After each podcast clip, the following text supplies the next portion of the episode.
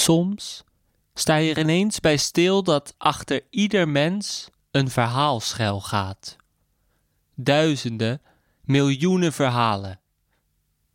Dat is niet alleen bij mensen zo, maar ook bij kerken, straten, winkels, speeltuinen en ga zo maar door. Op talloze plekken, overal om ons heen, hebben zich verhalen afgespeeld waar we geen weet van hebben.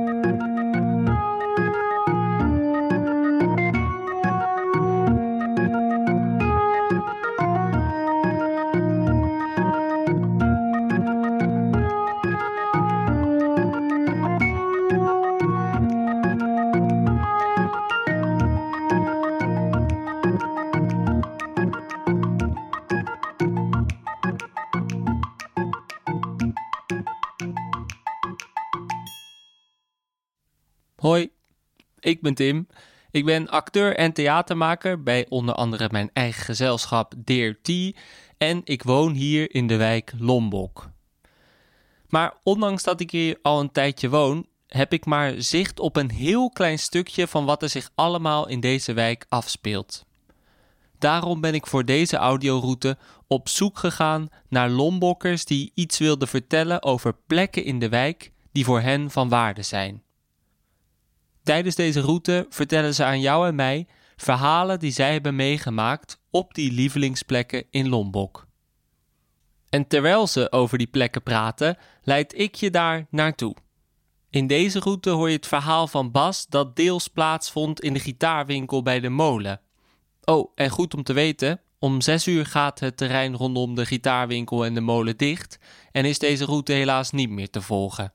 Goed, ik sta inmiddels voor de deur bij Bas, dus laat ik eerst even naar binnen gaan voor ik jou de eerste routeaanwijzing geef. Hoi. Hi. Oh, niet Bas. Nee, zeker niet. Die ben ik op het verkeerde nummer. Oh, zou zo kunnen. excuus in dat geval. Dan heb ik het verkeerde adres. Ik heb ook helemaal geen pas. Oké, komt goed. Zet hem op. Bedankt, fijne dag.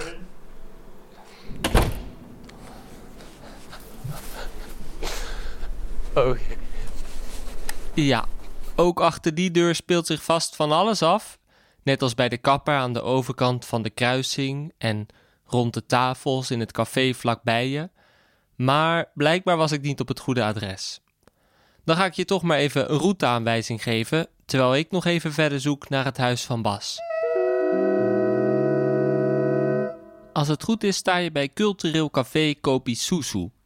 Steek het kruispunt over via de stoplichten de Jan Pieterszoon Koenstraat in, een straat met klinkers.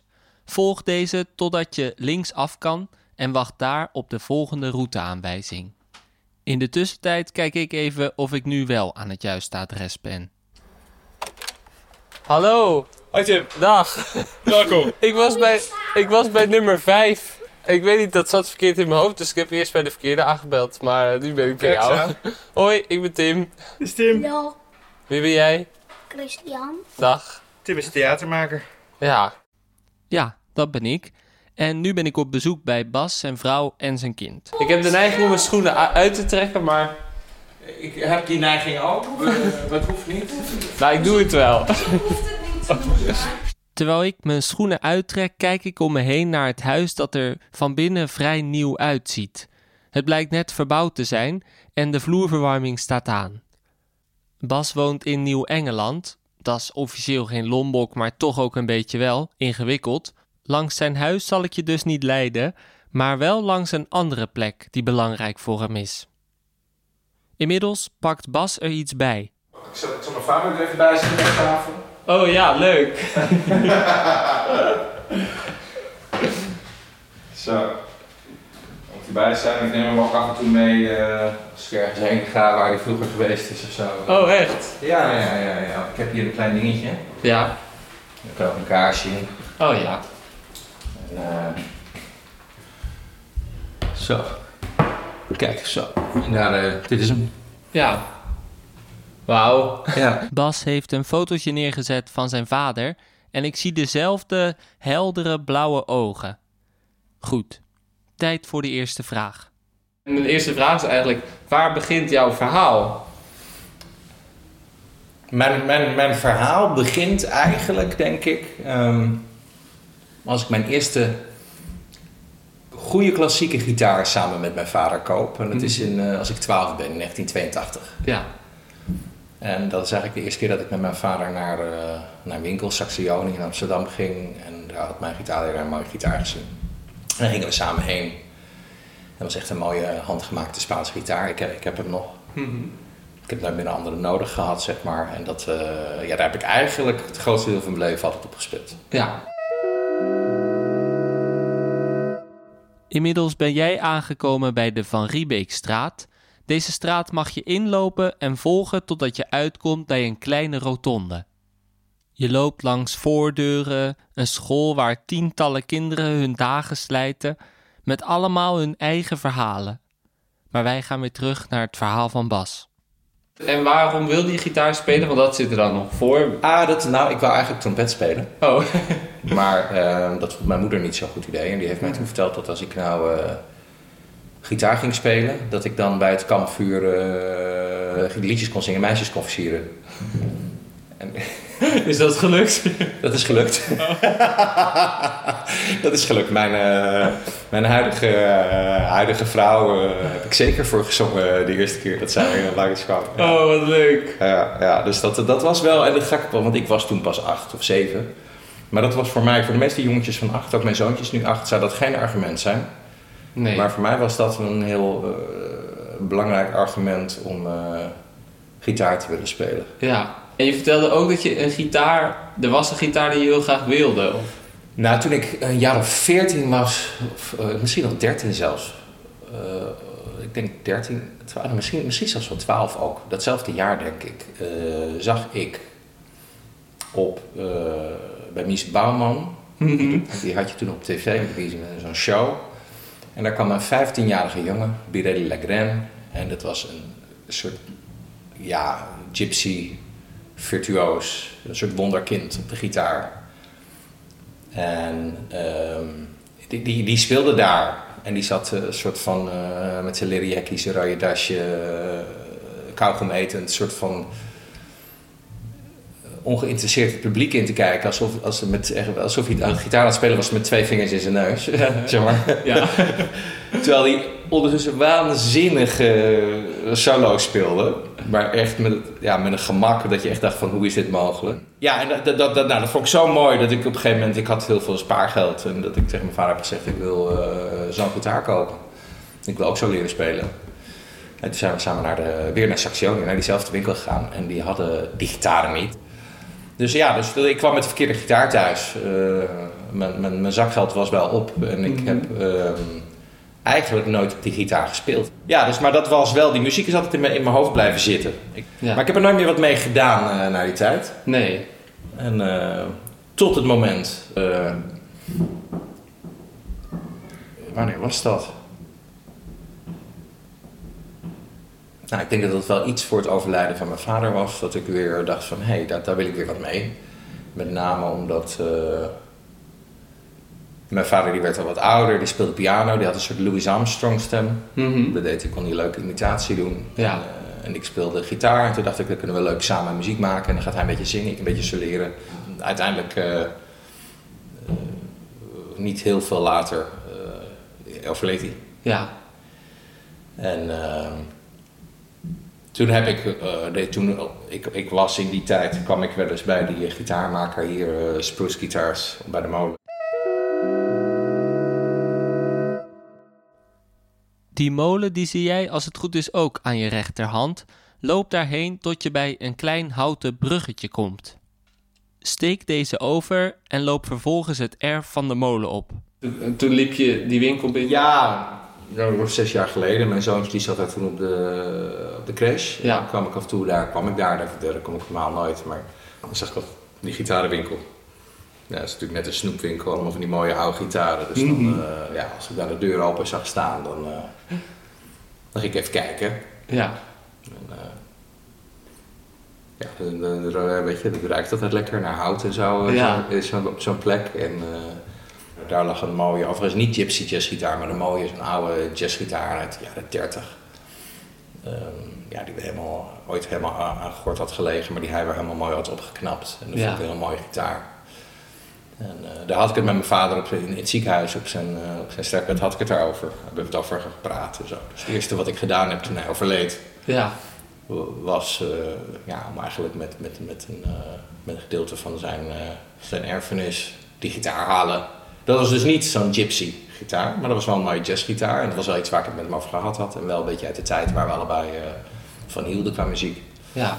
En eh, ja, ik heb het idee, eh, voor mijn gevoel is daar toen een, een, een, een, een, zaadje geplant of een idee of iets, ik weet niet precies. En sindsdien ja, komen er bijzondere verhalen op mijn pad. Ja. Meestal met gitaren te maken hebben. Ja. Ja. ja. Op het erf zie je onder de overkapping op nummer 10 die gitaarwinkel zitten waar Bas de gitaar kocht. Spruce Guitars. Als Lombokker kom ik wel vaker op dit molenerf, maar die gitaarwinkel had ik nog nooit zo bewust gezien. Loop er naartoe en kijk rustig even rond.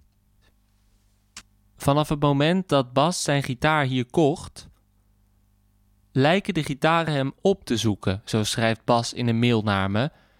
In deze mail van ongeveer drie pagina's lang vertelt Bas allemaal verhalen over gitaren die op bijzondere manieren bij hem terechtkwamen, waarbij het soms wel leek alsof hij een knipoog van zijn vader kreeg. Het einde van je vader was eigenlijk het begin van het gitarenverhaal. ja. Wat is daar allemaal gebeurd? Hmm. Nou, ik had dus met, zijn erf, met een deeltje van zijn erfenis was ik meteen die gitaar gaan kopen waar ik het over gehad had. Dat was wel een jazzgitaar. Toen begon ik een beetje van die, van die gypsy muziek te maken. Ja, dat klonk niet, ook toch niet echt zo.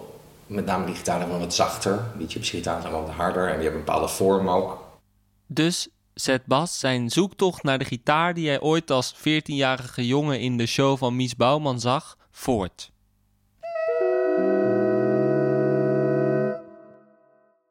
Dat betekent ook dat het verhaal zich verder niet hier afspeelt. Waar wel, dat hoor je van Bas terwijl ik je terugleid naar het eindpunt van deze route. Loop aan de tegenovergestelde kant van waar je het erf betrad, het erf weer af en steek het molenpark rechtdoor tot je bij een grote straat komt, de J.P. Koenstraat. En eh, toen ben ik toch een beetje gaan online gaan zoeken. Ik had wel een bepaalde naam. Ger Boonstra was een bekende gitaarbouwer in Nederland die die gitaren maakte. Die naam die kende ik, dus ik heb een keer gegoogeld op die naam. Toen kwam ik bij een eh, achterkant van een gitaar terecht. Ik heb hem hier staan trouwens, ik kan hem erbij pakken. Ja, Ja. De achterkant van de gitaar zag ik toen. er staan meerdere gitaren bij Bas in huis, dus ik wacht geduldig af welke gitaar het wordt. Dat was deze gitaar. Prachtige achterkant, uit één stuk hout gemaakt. Ja, dat vond ik heel mooi. Dus eh, ik ben verder gaan kijken op die foto's. Toen kwam de voorkant. Nou, dit was helemaal uitgegraven. Het was echt een afgeracht eh, ding. Ja, Alle frets waren helemaal uitge, uitge, uitgesleten. Dat- Maar wel van die bouwer. En ehm, ja, ik wist dat het een eh, goede bouwer was. Maar hij was dus helemaal afgeracht. Ik, ben, eh, ik heb contact opgenomen met, eh, met die man. En er stond namelijk bij de advertentie Bas, puntje, puntje, puntje. Dat was zijn naam. Mhm. Toen dacht ik, dat was ook toevallig. Ik dacht, dat vond ik wel wat leuk. Ik denk, hé, dat is iemand die heet ook Bas, puntje, puntje, puntje. Ik denk, ben ik ook. Dat voelde goed of zo. ja. Dus ik, ik heb die man gebeld en hij zegt met, eh met Poppy Basile. En eh, dat is toevallig een bekende eh, virtuoze jazzgitarist uit het, ja, het circuit, zeg maar. Nou, dat, dat, eh, hij zegt van, nou ja, je kan hem komen halen. Dus ik ben naar Rijswijk eh, afgereisd. En ik dacht van, eh, het hout was nog helemaal heel. Ik denk, ik, ja, ik denk dat een, een beetje luthier, die kan dit weer herstellen. En hij, ik wist ook nog dat die luthier nog leefde en dat hij in Amsterdam woonde, die hem ook gemaakt had. Dus ik dacht, ik koop hem en ik breng hem terug. Ik heb speciaal ook weer voor deze gitaar heb ik een, een muntje uit mijn vaders erfenis ingewisseld. Mhm. Dus ik afgereisd en ik heb hem gekocht. Inmiddels ben jij aangekomen op de J.P. Koenstraat. Deze mag je oversteken de Daandelstraat in. En die straat mag je volgen tot je aan je rechterhand een speeltuintje vindt. En op de terugweg eh, pas dacht ik eigenlijk van, hé, dat is ook toevallig. Ik dacht op de terugweg in de auto van Basili, dat is een grappig Bas. I L-Y. Ik denk dat is ook leuk, want ik heb ooit een liedje geschreven. Een van die liedjes waar ik het over had. Mhm. Ehm, dat heette ILY, I Love You. Dus eigenlijk stond er Bas, I Love You. Dus ik op de terugweg in de auto was ik helemaal blij. Ik denk, ik heb die gitaar. Ik heb eigenlijk die gitaar gekocht die ik altijd al met mijn vader wilde kopen. Want dit was wel echt zo'n gitaar. Mhm. En eh, ik heb hem nog gekocht van een, eh, ja, een soort van toevallig van iemand eh, die, die Bas, puntje, puntje, puntje, Bas, I love you in zijn naam had. Dus dat vond ik allemaal heel mooi en toevallig. Ik werd er heel blij van. Ja. Met, met de erfenis van mijn vader ook nog. Dus eigenlijk alsnog met terugwerkende kracht die koop gesloten. Ja. En een week later zat ik op te spelen en ik vond het al een heel leuk verhaal. Dus ik, waarschijnlijk heb ik in die week aan iedereen dit verhaal verteld. Ja, En toen, natuurlijk. en toen vroeg iemand aan mij, wanneer heb je hem dan gekocht? Ik zeg vorige week dinsdag. En toen heeft iemand alles mij eraan helpen herinneren. Dat dat een, eh, ik meen dat het een dinsdag was, maar in ieder geval was dat eh, 14 februari. Mhm. Valentijnsdag. Dus toen werd het nog mooier. Toen had ik op Valentijnsdag met het geld van mijn vaders erfenis eh, van een persoon, een Bas I Love You, een, eh, een gitaar gekocht die ik Ja. had willen hebben. Nou, dat was eh, voor mij wel zo toevallig dat ik dacht van dit, dit... Ik weet niet precies hoe het werkt met het universum, maar ik had wel het gevoel dat dit is of een eh, signaal van mijn vader of van het universum, of dit heeft zo moeten zijn. Zoiets. Ja, een soort lotachtig iets van dat het zo. eh, Maar ik had toch wel sterk het gevoel. Ik dacht, nou, ik dacht, wie weet, kijkt hij wel mee. Wie weet, kijkt hij wel mee. Loop dit speeltuintje in, de Laurens Reaalstraat, en volg deze tot je uitkomt op een grote kruising. En kijk vooral ook even naar het atelier van Wim Sontrop, op de hoek. Hij maakt er kasten, ik ben er zelf nooit binnen geweest, maar volgens mij liggen de verhalen hier weer voor het oprapen. Goed, terug naar Bas. Die zei, wie weet kijkt hij wel mee over zijn vader. En ehm, dat werd nog versterkt door het feit dat ik ook, ook nog een, Ik had een jaar voor mijn vaders overlijden, had ik hem een zwart, zijn verjaardag een zwart boekje cadeau gedaan. Om er notities in te maken, omdat hij vaak leuke krabbeltjes maakte, eh, spitsvondige gedichtjes en dat soort dingen. En, een, eh, en, en na zijn dood vond ik dat boekje en stond er eigenlijk bijna niets in. Dat, dat dan weer niet. Maar één ding stond er wel in. Na de dood zullen we het pas weten. Ja. Dat ene zinnetje. Ook niet gekoppeld aan eh, alsof hij daar heeft zitten denken en alleen maar die conclusie. Na de dood, alsof hij over de dood had zitten nadenken en, na, en, en, en, daarna pas de, dat ene zinnetje had opgeschreven. Ja. Ik heb net nog even gezocht of ik het boekje kan vinden. Ik heb het nog, maar ik kan het niet vinden. Nee. Waarschijnlijk door de verbouwing. Het zit ergens in een doos. Mocht ik het nog vinden de komende dagen, dan, eh, dan zal ik het zeker nog even tevoorschijn halen. Ja, leuk. En, eh, dus dat was nog bijzonder. Dat ik dacht, ja, nou, na de dood zullen we het weten. Wie weet. Ik dacht, misschien, eh, ja, misschien kijkt hij wel mee. Ja. En wat zullen we dan weten?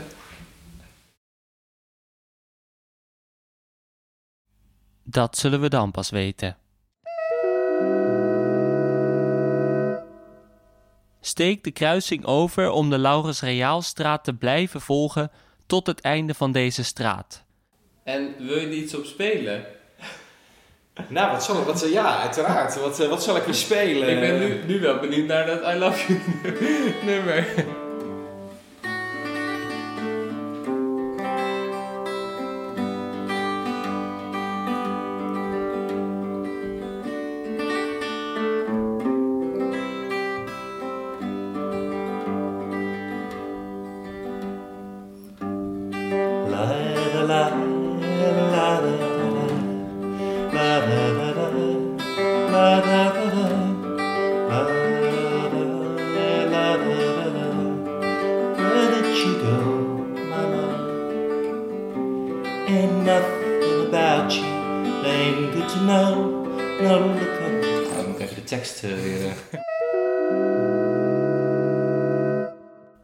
Geef ik jou nog even snel een laatste routeaanwijzing.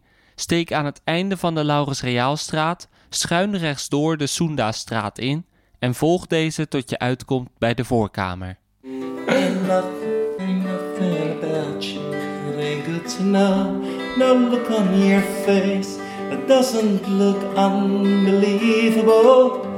And I want you to know I love girl. Ain't nothing around you that ain't in your space. No twinkle in your eyes doesn't reflect your grace. And I need you to know I miss you right now. How can it be so easy to know that you love me know that you want me to. How can it be so pleasant to take good care of you, my friend? I love you, want you, I need you, but I miss you again. Cause again, you're not where I am. You're not where I am. And nothing you got. Even verder kijken, er zitten vier coupletten. Oh ja, nou, en dan nog, en komt er nog aardig soepel uit. Ja, dit is dan weer een liedje wat ik niet zo heel vaak gespeeld. Nee, nee, nee. Maar, eh,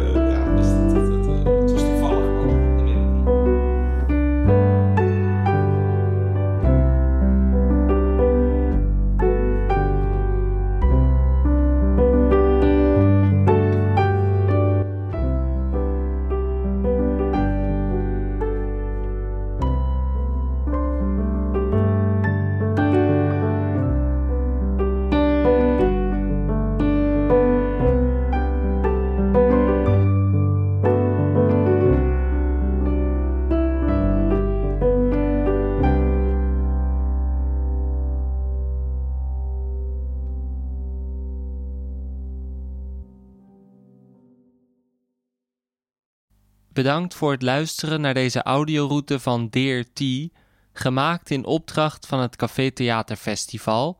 De muziek die je hoorde was van Bas, maar vooral ook van Luc ten Hoor. De mix werd gedaan door Art Kok en ik. Ik ben Tim Schouten. Fijne dag en wie weet tot bij een van de andere drie audioroutes.